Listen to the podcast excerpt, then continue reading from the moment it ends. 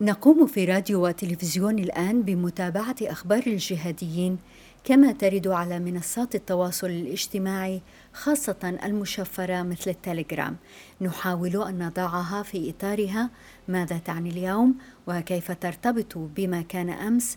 وكيف ستؤثر في الغد؟ أنا نهاد الجريري أهلا بكم. مرصد الجهادية بودكاست على راديو الآن. وأهلا بكم إلى حلقة هذا الأسبوع التي نغطي فيها الفترة من 5 إلى 11 يوليو 2020 في العناوين صدمة في الأوساط البحثية والصحفية في العالم باغتيال العراقي هشام الهاشمي أحد أهم الباحثين في الجماعات الإرهابية.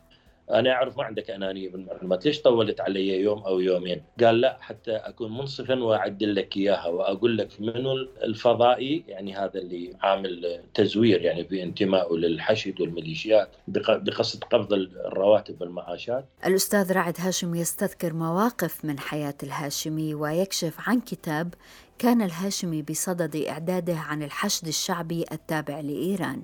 بعنوان آه، الميليشيات آه، الحشد أو هو يرفع ميليشيات تحاشيا أو تخوفا من هؤلاء العناصر اللي الضالة الموجودين هناك في بغداد. اسمه الحشد الشعبي بين الدولة واللا دولة.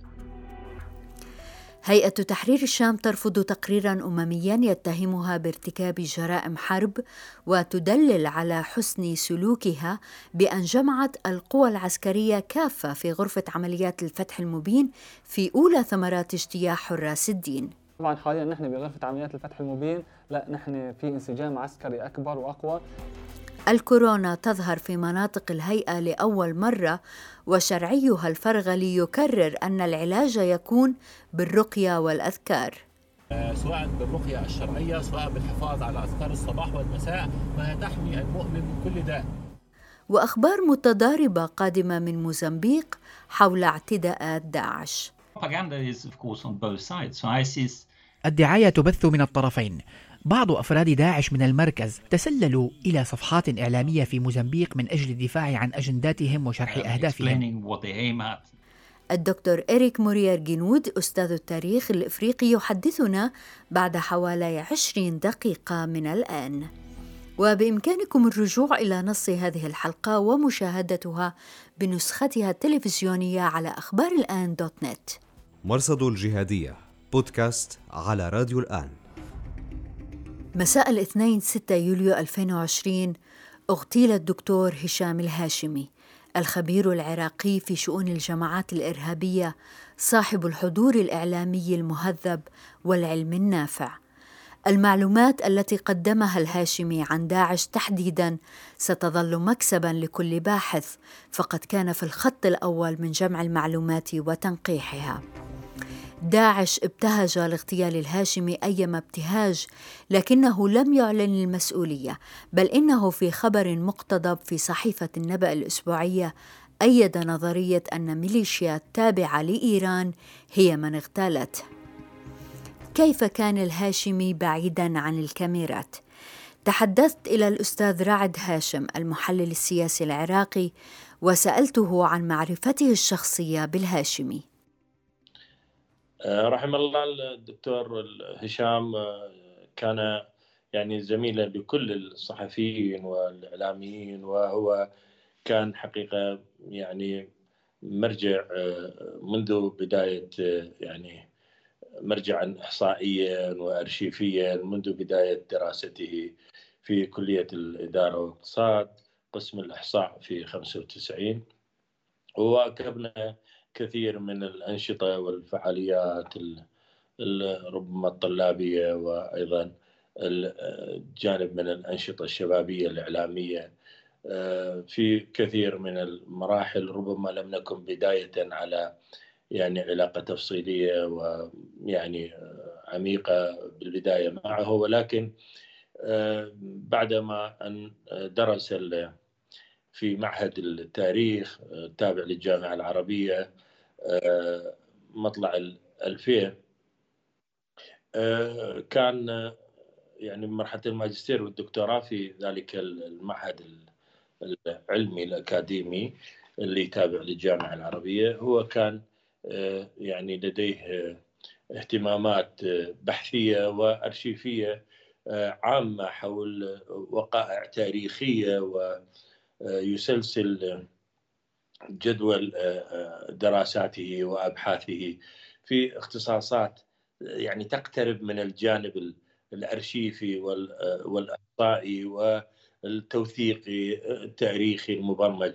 نمت عنده هذه الصفة يبدو منذ موضوع اهتمامه بالدراسة الأكاديمية في البكالوريوس في الإدارة والإقتصاد. وقسم الإحصاء تعرفين لمن يهواه ينمي لديه الرغبة في الجمع والأرقام والأعداد والوقائع والتوثيق فحقيقة هذه كانت بوادره وما بعد ال يعني فترة الاحتلال ما بعد فترة الاحتلال 2003 بدت عنده بوادر نشر بحوث وتقارير آه، وأرشف لبعض الأحداث.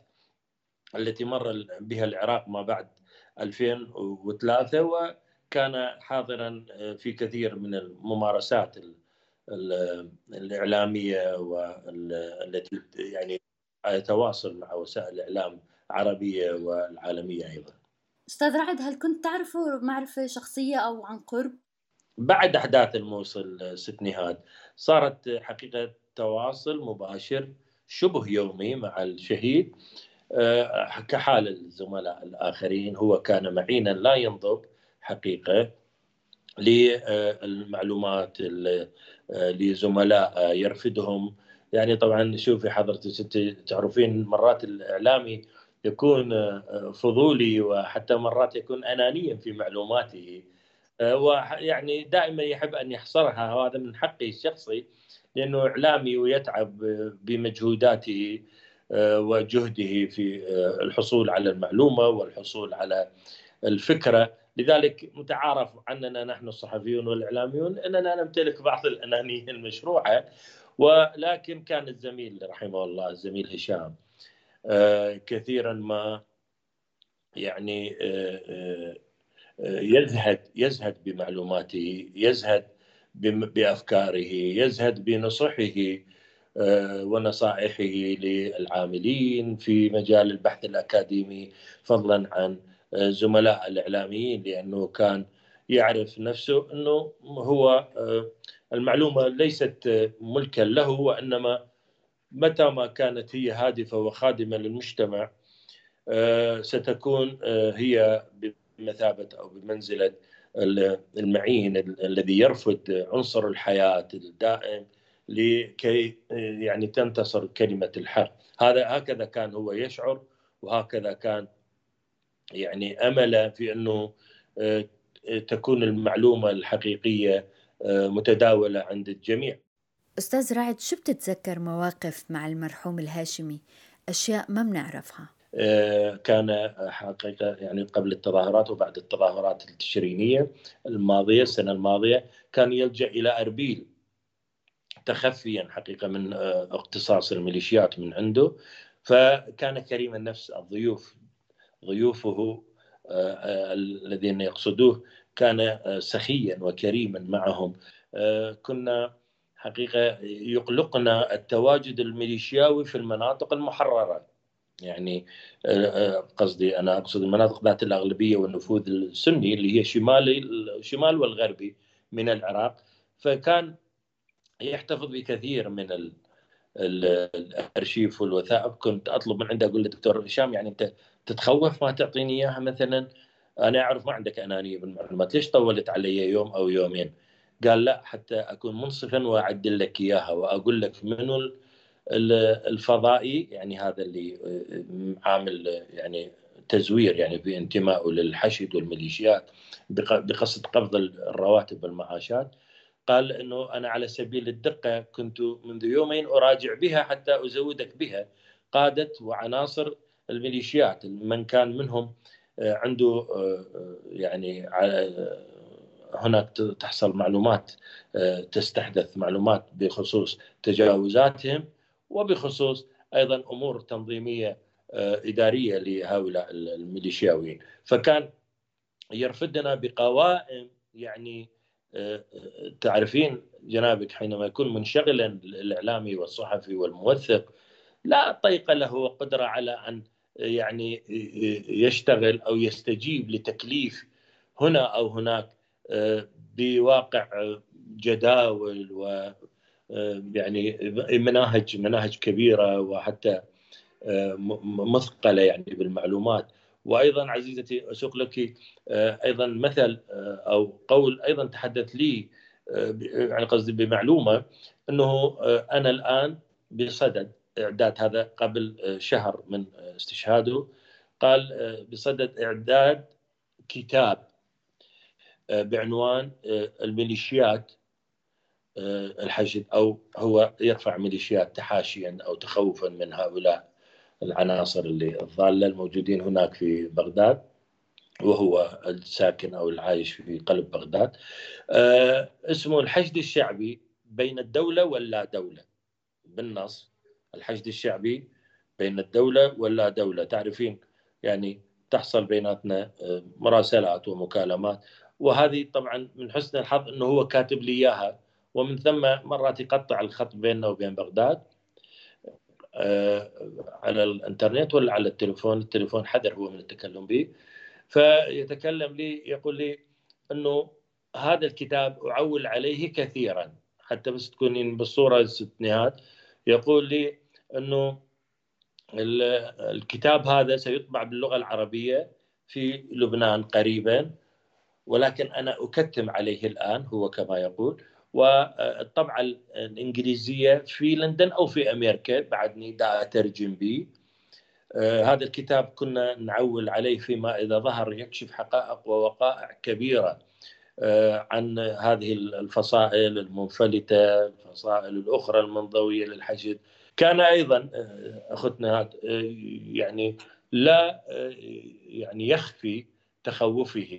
يعني حينما نتكلم عن الكتاب حينما نتكلم عن الجداول هؤلاء العناصر الفضائية أو الخارجة الخارجة عن يعني بالتسجيل خارجه عن السياقات القانونية تسمى فضائيين.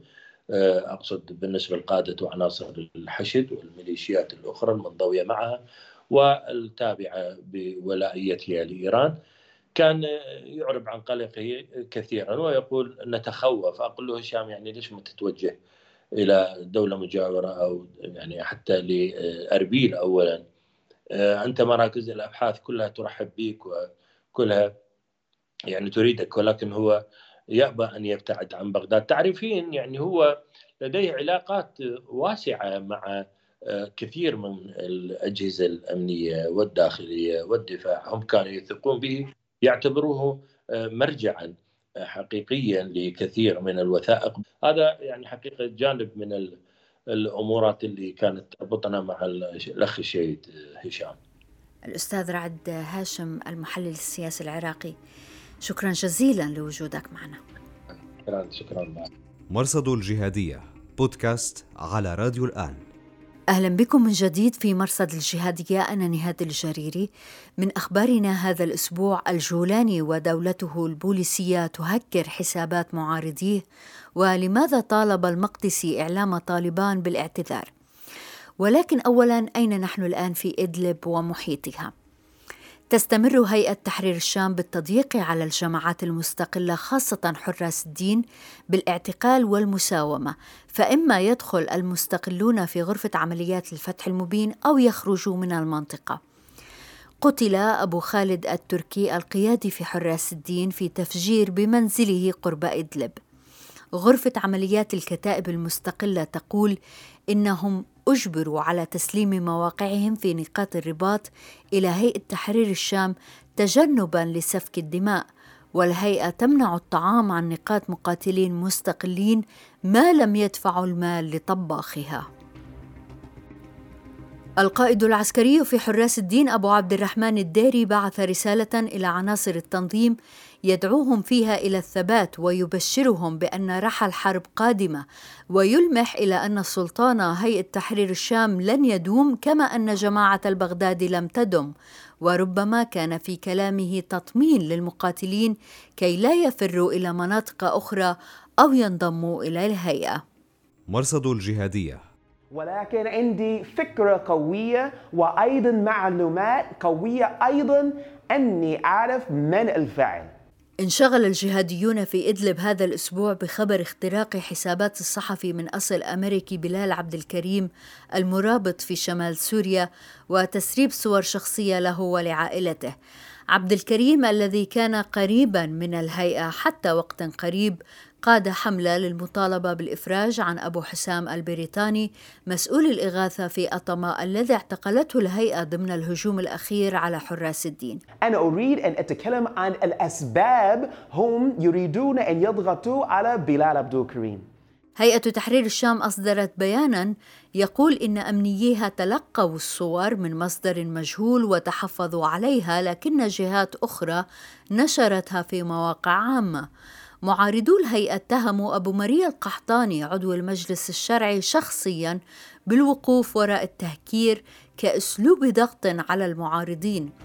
آخرون مثل عصام الخطيب وأبو يحيى الشامي ذكروا كيف أن الهيئة هددتهم سابقا بنشر صور شخصية لهم من خلال التهكير إن لم يتوقفوا عن انتقادها. لجنة التحقيق الأممية الخاصة بسوريا نشرت في 7 يوليو تقريرا تقول في جانب منه إن ممارسات هيئة تحرير الشام تعتبر جرائم حرب. هيئة تحرير الشام رفضت التقرير في بيان رسمي. واللافت هنا هو أن من ضمن النقاط أو الإجراءات التي أوردتها لدحض التقرير هو أنها وحدت العمل العسكري في غرفة عمليات الفتح المبين وقالت إنها تضم كافة القوى العسكرية الثورية التي مهمتها الدفاع عن المناطق المحررة. وربما أجاب هذا عن سؤال لماذا الآن تنقض هيئة تحرير الشام على حراس الدين؟ الهيئة تريد أن تخرج من تصنيف الإرهاب. مرصد الجهادية ظهرت هذا الأسبوع أول حالات كورونا في إدلب ومحيطها وكانت لأطباء الأمر الذي زاد من قلق الناس هناك العالقين الآن بين كورونا وهيئة تحرير الشام كاريكاتور علق عليك باستخدام الوقاية لأجل لا تنحجر في المستشفى أو في المنفردة في إشارة إلى سجون الهيئة.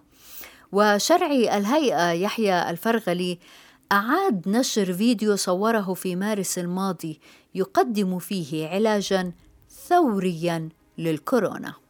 حافظت على أذكار المساء أذكار الصباح والمساء. دائما وبانتظام وبتأني لن يصيبك هذا المرض بإذن الله تعالى. وإن أصابك فهو خير لك من أن لا يصيبك. هذه نقطة مهمة. في خضم التراشق العقدي بين مؤيدي هيئة تحرير الشام ومعارضيها سأل أنصار داعش عن الحكمة من تأييد اتفاق طالبان مع أمريكا ورفض اتفاق هيئة تحرير الشام مع تركيا وقالوا أم أنه في خراسان فتح وفي إدلب خيانة. وبعد سلسلة المقالات التي كفر فيها المقدسي هيئة تحرير الشام لتعاملها مع الأتراك أفتى هذا الأسبوع بألا يترك المستقلون نقاط الرباط على اعتبار أن عليهم العمل على درء أعظم المفاسد باحتمال أدناها أي أن قيادة الهيئة مفسدة لكن الدوريات الروسية مفسدة أكبر. لا تزال إفريقيا العنوان المفضل على الصفحة الأولى من صحيفة داعش الأسبوعية النبأ. العدد الأخير رقم 242 انتهى بإحصائية اعتداءات التنظيم في غرب إفريقيا خلال الشهر الفائت بواقع 25 اعتداء. وابتهج أنصار داعش بالعناوين الواردة في الإعلام العالمي عن التنظيم في غرب وجنوب إفريقيا خاصة في بوركينا فاسو وموزمبيق. لكن إلى أي درجة الأخبار الواردة من هناك تعكس حقيقة الموقف؟ نرحب بالدكتور إريك موريير جينود أستاذ التاريخ الإفريقي في جامعة كوينز في بلفاست والمتخصص بكل شيء موزمبيق. شكرا جزيلا دكتور لتلبيتك الدعوة. My pleasure. ماذا نعرف عن العلاقة بين داعش والجماعات التي تهاجم في كابو دلغادو موزمبيق؟ We know very little actually. Um, there's very little facts and there's a lot of speculation. ما نعرفه قليل جدا الحقائق شحيحة والتكهنات كثيرة ما نعرفه يقينا هو أن تواصلا حصل بين داعش والمتمردين في كابو ديلغادو وعلى مدى السنة الماضية زاد التواصل وأصبح أدق وأسرع.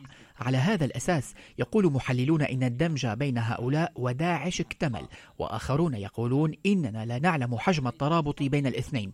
ما نعرفه هو أنهم أعلنوا الولاء لداعش وأن تواصلا حصل الأمور غير واضحة لكن هذا التواصل لا زال يتم بالهاتف. لا يبدو أن داعش أرسل مواد إليهم ولا نعلم حجم المعلومات التي زودوهم بها ولم نرى تحولا في استراتيجية المتمردين فهم لا يستخدمون المتفجرات أو القنابل. وفي مايو ورد خبر عجيب من القاعدة يتبنى هجوما في موزمبيق. لهذا أعتقد أن الحالة غير مستقرة وسنرى كيف تتطور مع مرور الوقت. صحيفة داعش الأسبوعية النبأ خصصت الافتتاحية الأسبوع الماضي لموزمبيق. هل تفاجأت؟ Well, it was because we had almost a month of silence on the part of ISIS. نعم صحيح. على مدى شهر تقريبا لم يصدر شيء عن داعش. هذا ما كنت أقوله لك. كنا نتساءل عما يحدث. ثم جاءت هذه الافتتاحية ومعها صور قديمة ومعلومات عن الاعتداءات التي وقعت قبل شهر.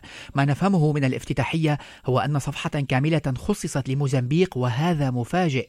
وزيادة على هذا يظهر في الافتتاحية فهم لتاريخ موزمبيق والمنطقة وتذكير بأهمية وجود البرتغال هنا وبالنظام الشيوعي الذي حكم في الثمانينيات. هذا اهتمام بالتاريخ ومعرفة بالتطورات الأخيرة حيث أن دولا في جنوب إفريقيا كانت تفكر في التدخل. الافتتاحية تحذر هذه الدول وتقول إنه إذا تدخلت فسوف يرد داعش باعتداءات في أراضيها. لذا عليها أن تحذر. الرسائل مركبة فيها وعي بالماضي والمباحثات الجارية بين الدول. الافتتاحية مهمة.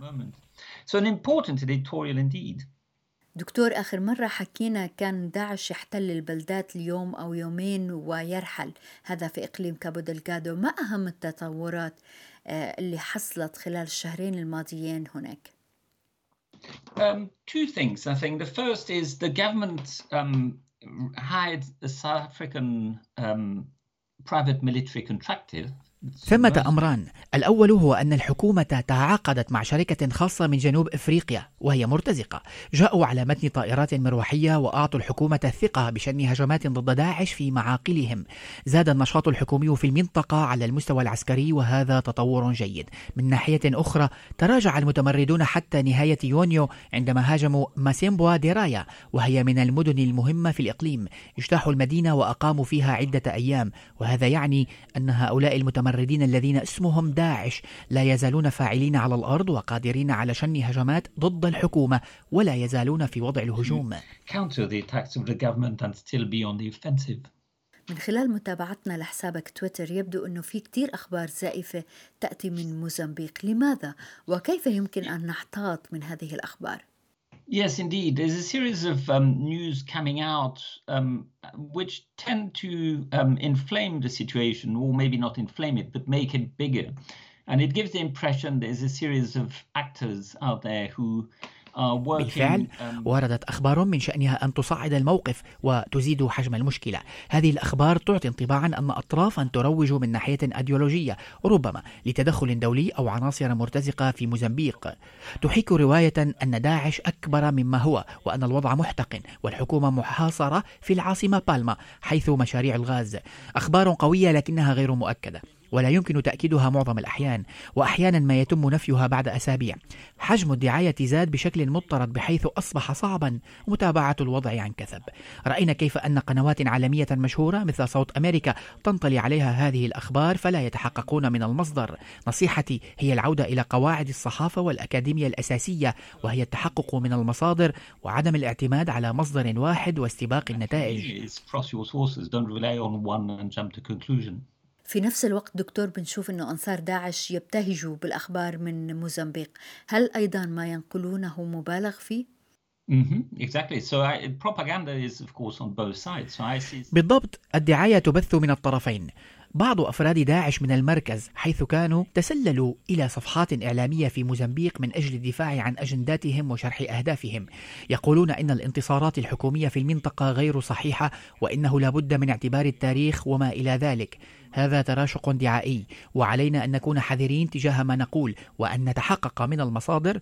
من الأفضل أن ننبئ عن القليل المؤكد بدلا من الكثير غير المؤكد. Say less. Which is secure than more which is speculative. الدكتور إريك موريير جنود أستاذ التاريخ الإفريقي في جامعة كوينز في بلفست شكرا جزيلا لك It's great pleasure. Thank you very much. مرصد الجهادية ذكرنا الأسبوع الماضي أن طالبان أصدرت مجلتها الدورية الصمود في عددها 173 وفيها جزء مهم عن داعش كصناعة أمريكية وعن نفي وجود مقاتلين أجانب في أفغانستان. أما في النقطة الثانية فقد كتب كيلب وايس الباحث في Long War Journal مقالا مفصلا حاجج فيه طالبان الذين طالما نفوا وجود مقاتلين أوزباك في أفغانستان وذلك بعد أن نشرت وكالة ثبات الموالية للقاعدة صورا لهم هذا الأسبوع. المتحدث باسم طالبان على تويتر قال إن الصور مفبركة فاستخرج وايس من الأرشيف ما يفند ذلك. لكن ما لفت انتباه الجهاديين كان مقال صغير في الصفحات الأخيرة يقول باختصار إن طالبان تحترم إرادة الشعب في اختيار نوعية الحكم عليه. المقدسي اعتبره كلاما ساقطا متهافتا وطالب طالبان بالتبرؤ منه ومن كاتبه. ومن المجلة الاعتذار. فالمقدسي كما منظري السلفية يرفضون الديمقراطية والانتخابات والحكومات التشاركية ويعتبرونها شركا وكفرا. ويتفق في هذا مع داعش الذين علقوا حركة طالبان تعتنق دين الديمقراطية نسخة إلى من هلل لانتصارها الوهمي على أمريكا. إلى هنا أخبار المرصد هذا الأسبوع. بإمكانكم الرجوع إلى نص هذه الحلقة ومشاهدتها بنسختها التلفزيونية على أخبار الآن دوت نت. شكرا لوجودكم معنا في راديو وتلفزيون الآن. أنا نهاد الجريري مع السلامة.